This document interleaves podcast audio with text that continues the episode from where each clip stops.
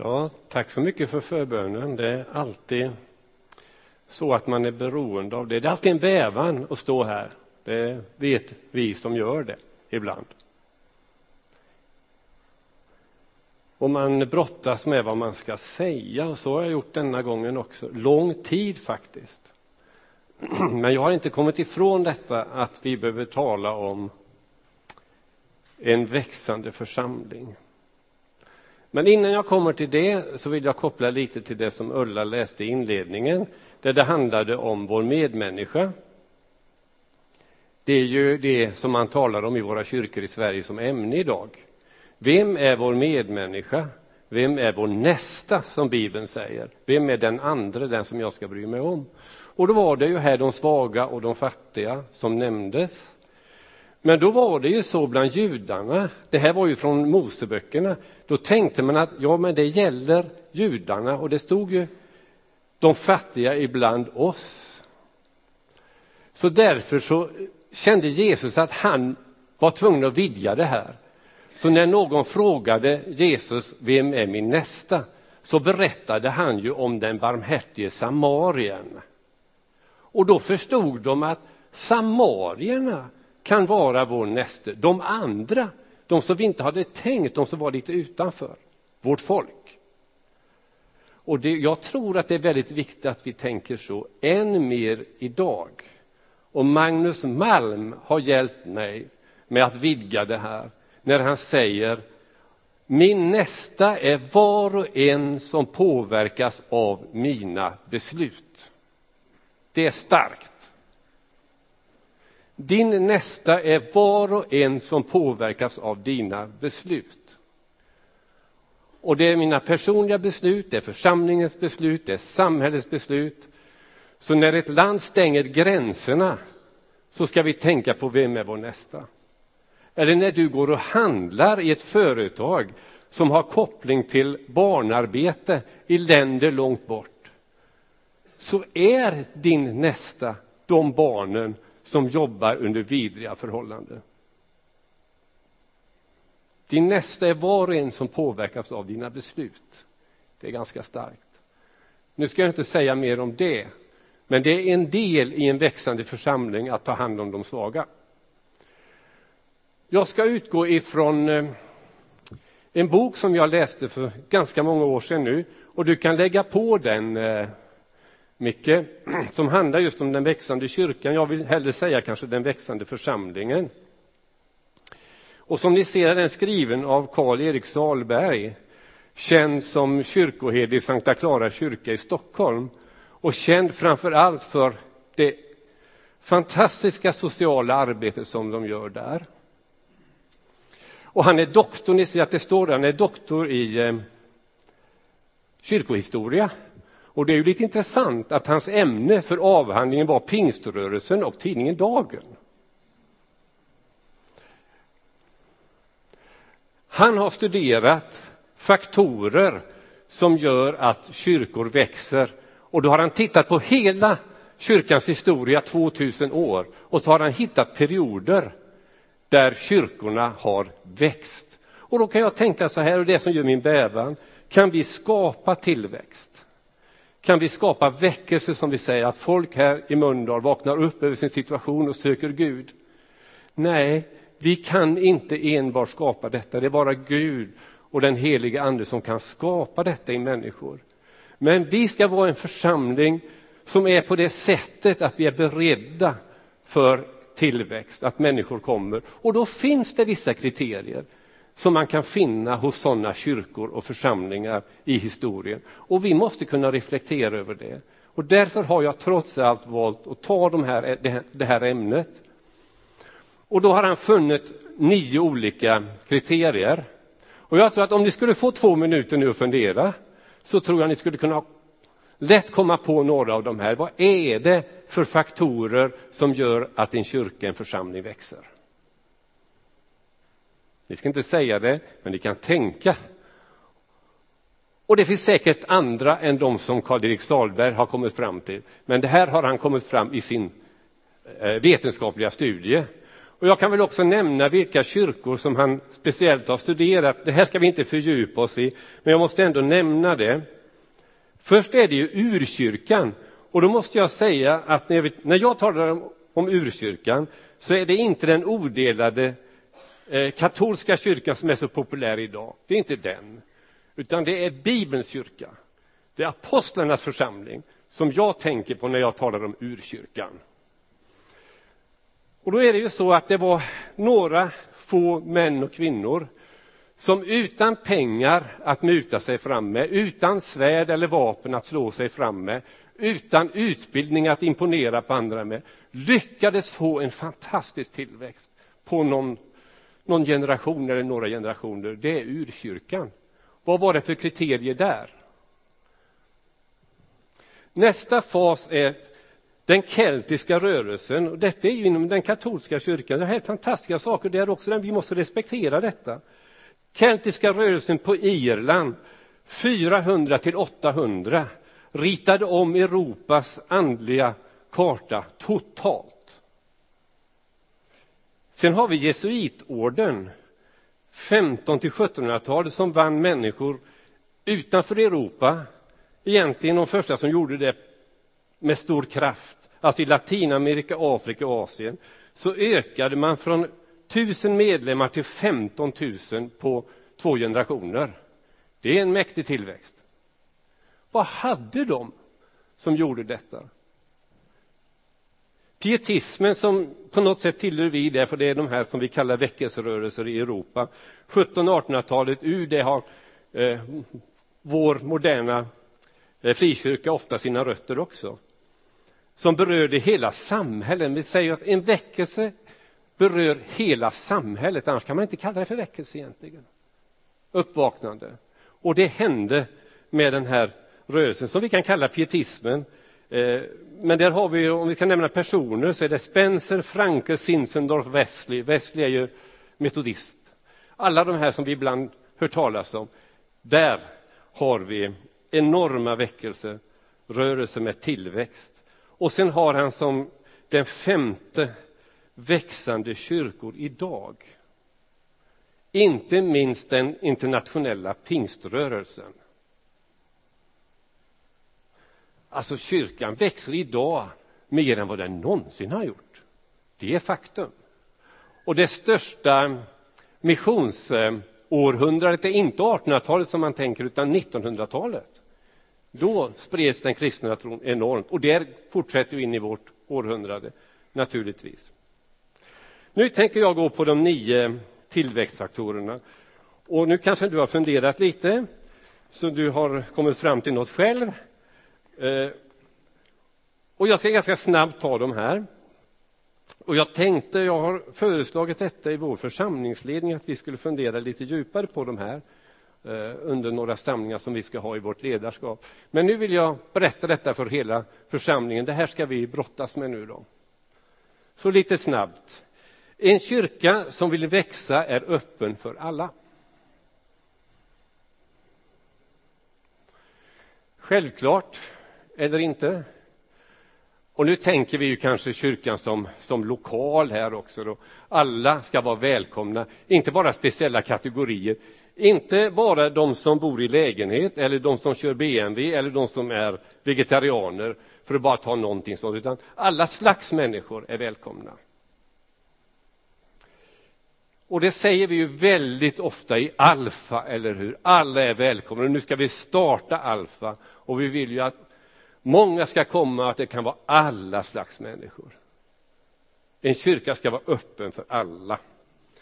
Ingen ska vara exkluderad och ingen ska heller vara speciellt utvald eller inkluderad. Eh, nu är det viktigt att jag säger då att det här handlar alltså inte om församlingsmedlemskap. För det är en del som missuppfattar när jag säger det här. Det finns ju naturligtvis vissa kriterier för att komma med i församlingen. Men komma in i kyrkan, i vår gemenskap och känna att här är en atmosfär, här finns Guds närvaro. Där är alla välkomna. Men åt alla de som tog emot honom gav han rätten att bli Guds barn, åt alla som tror på hans namn. Där har vi kriterier för att komma med då. Men det är öppet för alla. Det är Guds allemansrätt Ulla antydde lite om den svenska allemansrätten, att vi har tillgång till naturen. Men detta är Guds allemansrätt på det andliga planet. Alla är välkomna. En kyrka som vill växa bryr sig om människor i nöd. Och det är väldigt speciellt för mig. Jag är med på den bilden, för att ni kanske inte känner igen mig för det är tio år sedan. Det är en annan av församlingens pastorer med där då, Annette Hellekant Långs. Vi gjorde studiebesök i Sankta Klara kyrka. Eh, en dag, men det räckte för att ge mig och Annette ett väldigt starkt intryck för vad den här kyrkan gjorde och stod för. Detta är på Plattan, Sergels torg. Här kommer de tilltufsade människorna eh, och får en bit mat mitt på dagen. Och få stå där och se de här, nu har jag valt ett foto som man egentligen inte kan identifiera några människor, för det ska man inte kunna göra. Men det är jag som står med resväskan där längst till vänster. Ja. Och det var, det, var, det var väldigt gripande. Vad, hur såg det ut när Karl-Erik Salberg kom till den församlingen, den kyrkan?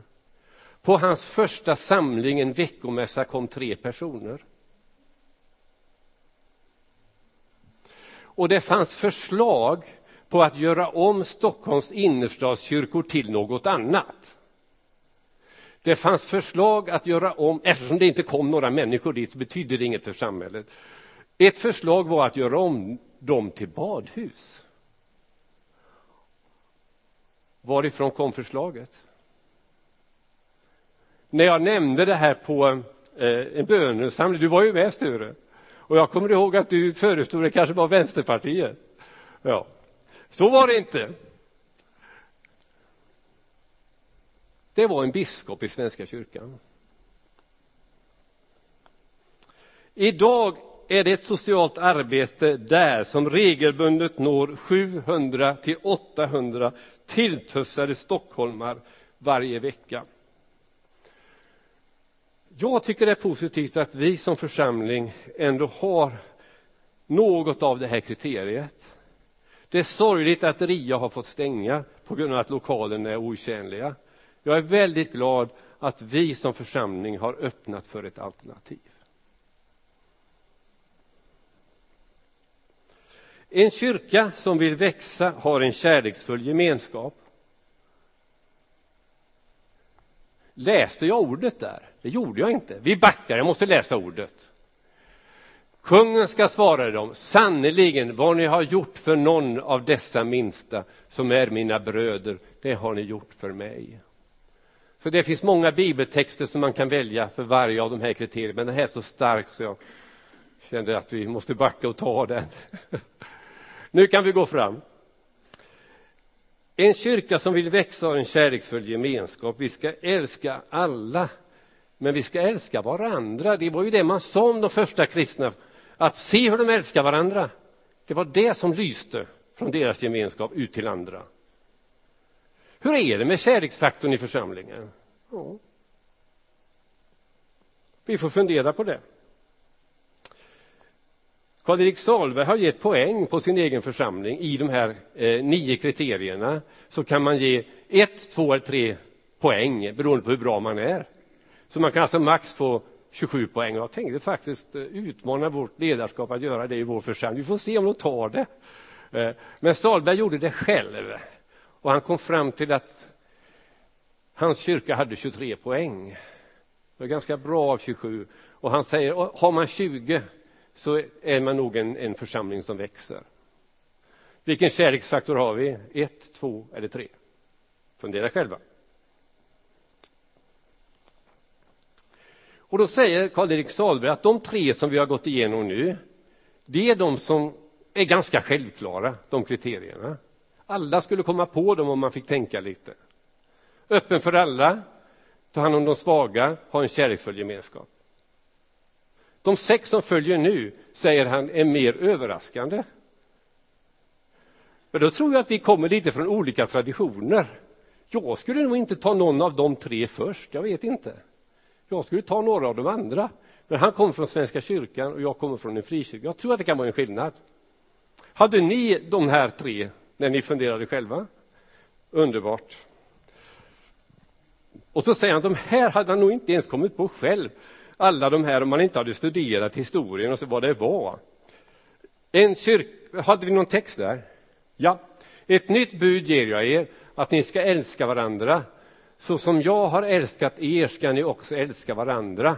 Alla ska förstå att ni är mina lärjungar om ni visar varandra kärlek. Bra. Du ska ha en kärleksfaktor på helst tre poäng då. Vi tar nästa. En kyrka som vill växa ställer Jesus i centrum. Det tyckte jag var ganska självklart. Gör vi det? Jesus svarar, jag är vägen, sanningen och livet. Ingen kommer till Fadern utom genom mig. Eh, jag tycker att det är ganska givet. Om ni lyssnar på våra, vår förkunnelse i den här kyrkan, från den här estraden, så skulle jag nog vilja hävda att den är eh, Kristuscentrerad. Lyssna på Ingemar Tidefors. Om man ska sätta en rubrik över hans förkunnelse under våren så är det eh, han har talat om en, Christ, en, en, en Jesuslik Gud, eller en Kristuslik Gud. Det har varit hans tema. Och nu ska jag avslöja för er som inte vet. Han har samlat de här och han har skrivit en bok i sommar. Ingemar Tidefors, det är spännande. Och temat är en Jesuslik Gud, Jesus i centrum. Nästa är en kyrka som vill växa, lever ett helgat liv. Vad är helgat då? Alltså det är lite annorlunda än vad andra lever. Och då, då är detta lite lurigt alltså. För man kanske kunde tro att vi ska vara så lik andra som möjligt för att vara attraktiva. Men det visar inte verkligheten i historien. Att våga vara annorlunda lockar människor. Att inte alltid hänga på samhällets trender och vara politiskt korrekta, det är det som är positivt, visar det sig. Och att leva ett helgat liv, jag har ju tagit andens frukt då, som ett utslag för detta, att leva ett helgat liv, så blir vi på något sätt eh, som den här frukten. Och det ska jag inte fördjupa mig i, eftersom det ska vi ha som tema här för våra predikningar under hela kommande vår. Ska vi ha andens frukter, så det kommer vi att brottas med och njuta av denna frukten. Eh, ni är världens ljus. En stad uppe på berget kan inte döljas. Och när man tänder en lampa sätter man den inte under sädesmåtten utan i hållaren så att den lyser för alla i huset. Ja, sen undrar jag om ni hade kommit på den här nummer sex. Vi tar den. En kyrka som vill växa är beredd att lida. Hade ni den? Lite så, ja. Så är det, det har man funnit då. Och vad är det här?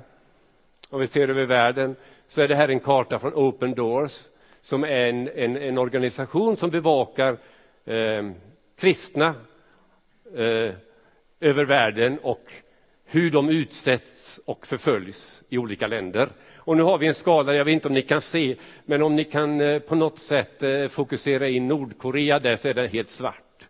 Det är det värsta. Och sen är de röda, där det är mycket förföljelse och så kan ni se så. Kristna är den mest eh, förföljda gruppen människor idag över världen. Och eh, vi kan bära ett kors för det, absolut.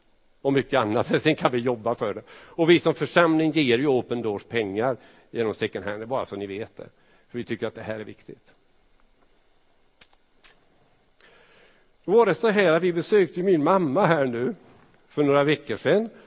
Eh, hon ska ju fylla hundra år i höst. Så är, men ibland så får man en underbar kontakt med henne. Det är liksom helt fantastiskt. Och det är när man läser Bibeln, och när man ber och när man sjunger. Det är det bästa man kan göra. För då är det alltid kontakt, för anden är levande hos en hundraåring. Eh, ofta. Eh, och sen var det då, vilken sång ska vi ta? Och så frågar Ulla, ska vi ta den här Det är saligt på Jesus få tro? Och hon hör lite fel. Säger du att det är farligt på Jesus få tro? Nej, nej, Anna, det, det är saligt på Jesus tro. Den sången kan du väl? Ja, jag sa det, så skrattade hon. Ja, ja, ja, så var det. Men hur rätt hade hon inte? Det är farligt på Jesus får tro. Också. Även saligt, givetvis. Första pingstdagen var de så saliga så att det var inte klokt. Det var som de judiska ledarna sa, så glad får man inte vara, jag var inte på morgonen. För då kan man tro att man är överförfriskad så tidigt på dagen, det går inte. Eh, så det finns ju både och, men detta att det är farligt är eh, en verklighet och vi kanske också måste vara beredda på att lida på något sätt, vi också. Och då har jag fått samtal i sommar från människor som på sitt arbete blir mobbade därför att man är kristen och inte döljer det. Detta är vår verklighet idag i Sverige, i Göteborg.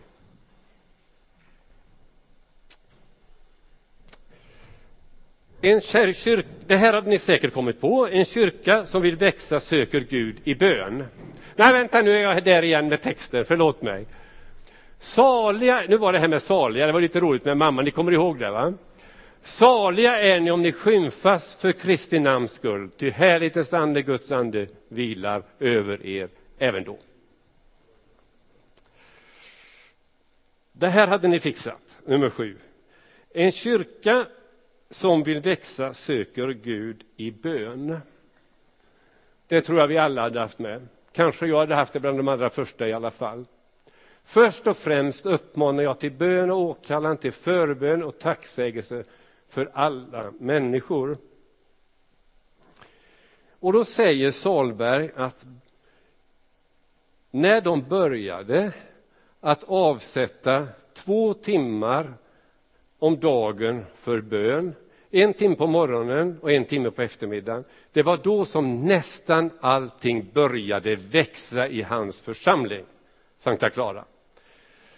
Ehm, och då var det ju för de som jobbade i kyrkan som man började med de här. Och sen kom andra till och det blev många som kom på de här bönesamlingarna.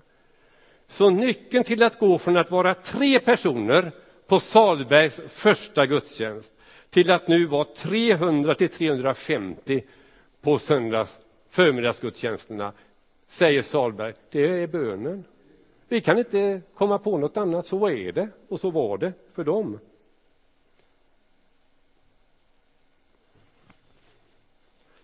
Och så är det så att när man ska föreslå något sånt i en församling som denna eller en annan så blir det alltid det, det är alltid något som hindrar, jag vet inte vad det är. Och det är smärtsamt.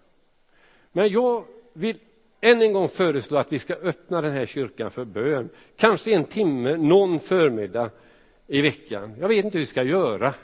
Men något känner jag att, och jag har känt det så länge, att vi måste göra någonting. Och det kvittar om det kommer fem så är det ändå bra. Och vi kan bjuda på kaffe under den timmen. Och då tänker jag att vi kan vara lite göteborgska, så vi kallar det för böner och bönor den timmen.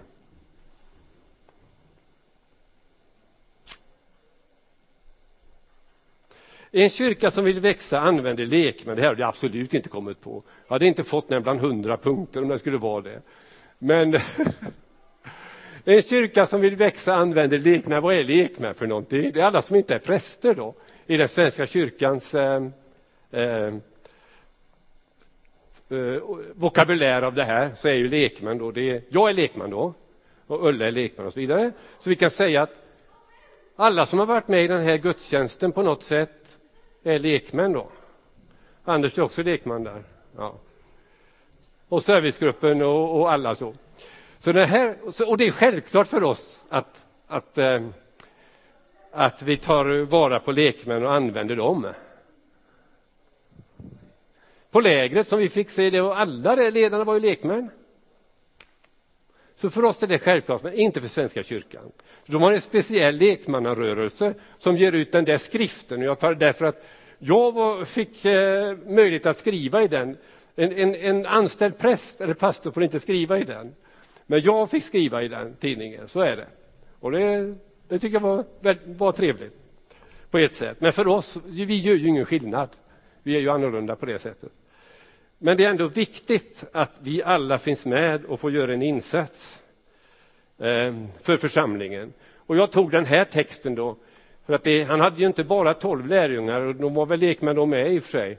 Men eh, därefter utsåg Herren ytterligare 72 och sände dem före sig, två och två till varje stad och plats, dit han själv ämnade sig. Så de var många som fick vara med och sprida evangeliet från början. Och där är vi alla, tror jag, i det allmänna prästadömet som vi säger ibland. Eh. Ni kan ju fundera på det här, han skickar dem före sig. Här kan man ha en liten utläggning men det tar vi inte nu. Är det så att vi ska gå före Jesus i olika sammanhang och så kommer han efter? Ja, ja, vem vet? En kyrka, slutligen, en kyrka som vill växa är öppen för den helige andes kraft. Den hade vi satt dit. Det tror jag som pingstvänner, eller hur? Den har vi inte missat. Nej.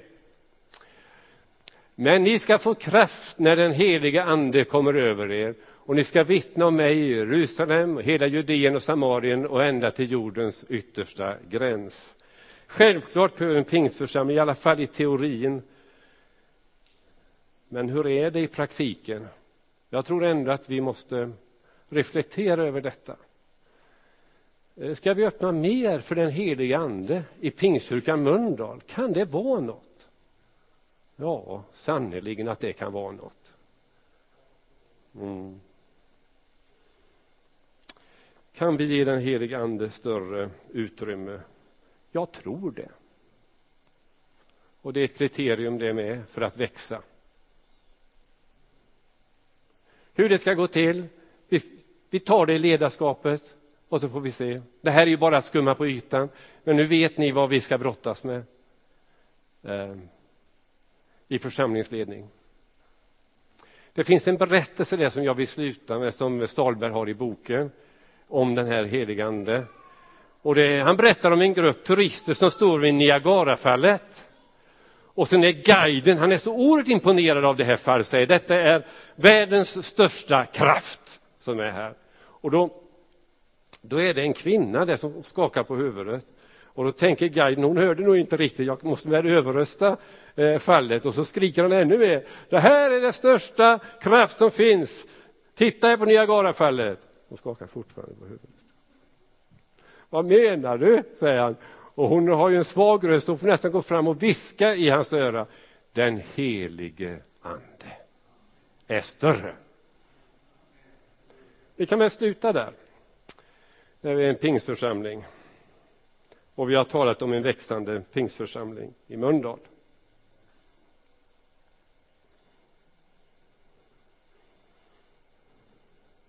Herre, jag tackar dig att vi får tillhöra en församling som du har tänkt ska betyda någonting på den här platsen, där vi är placerade i den här tiden.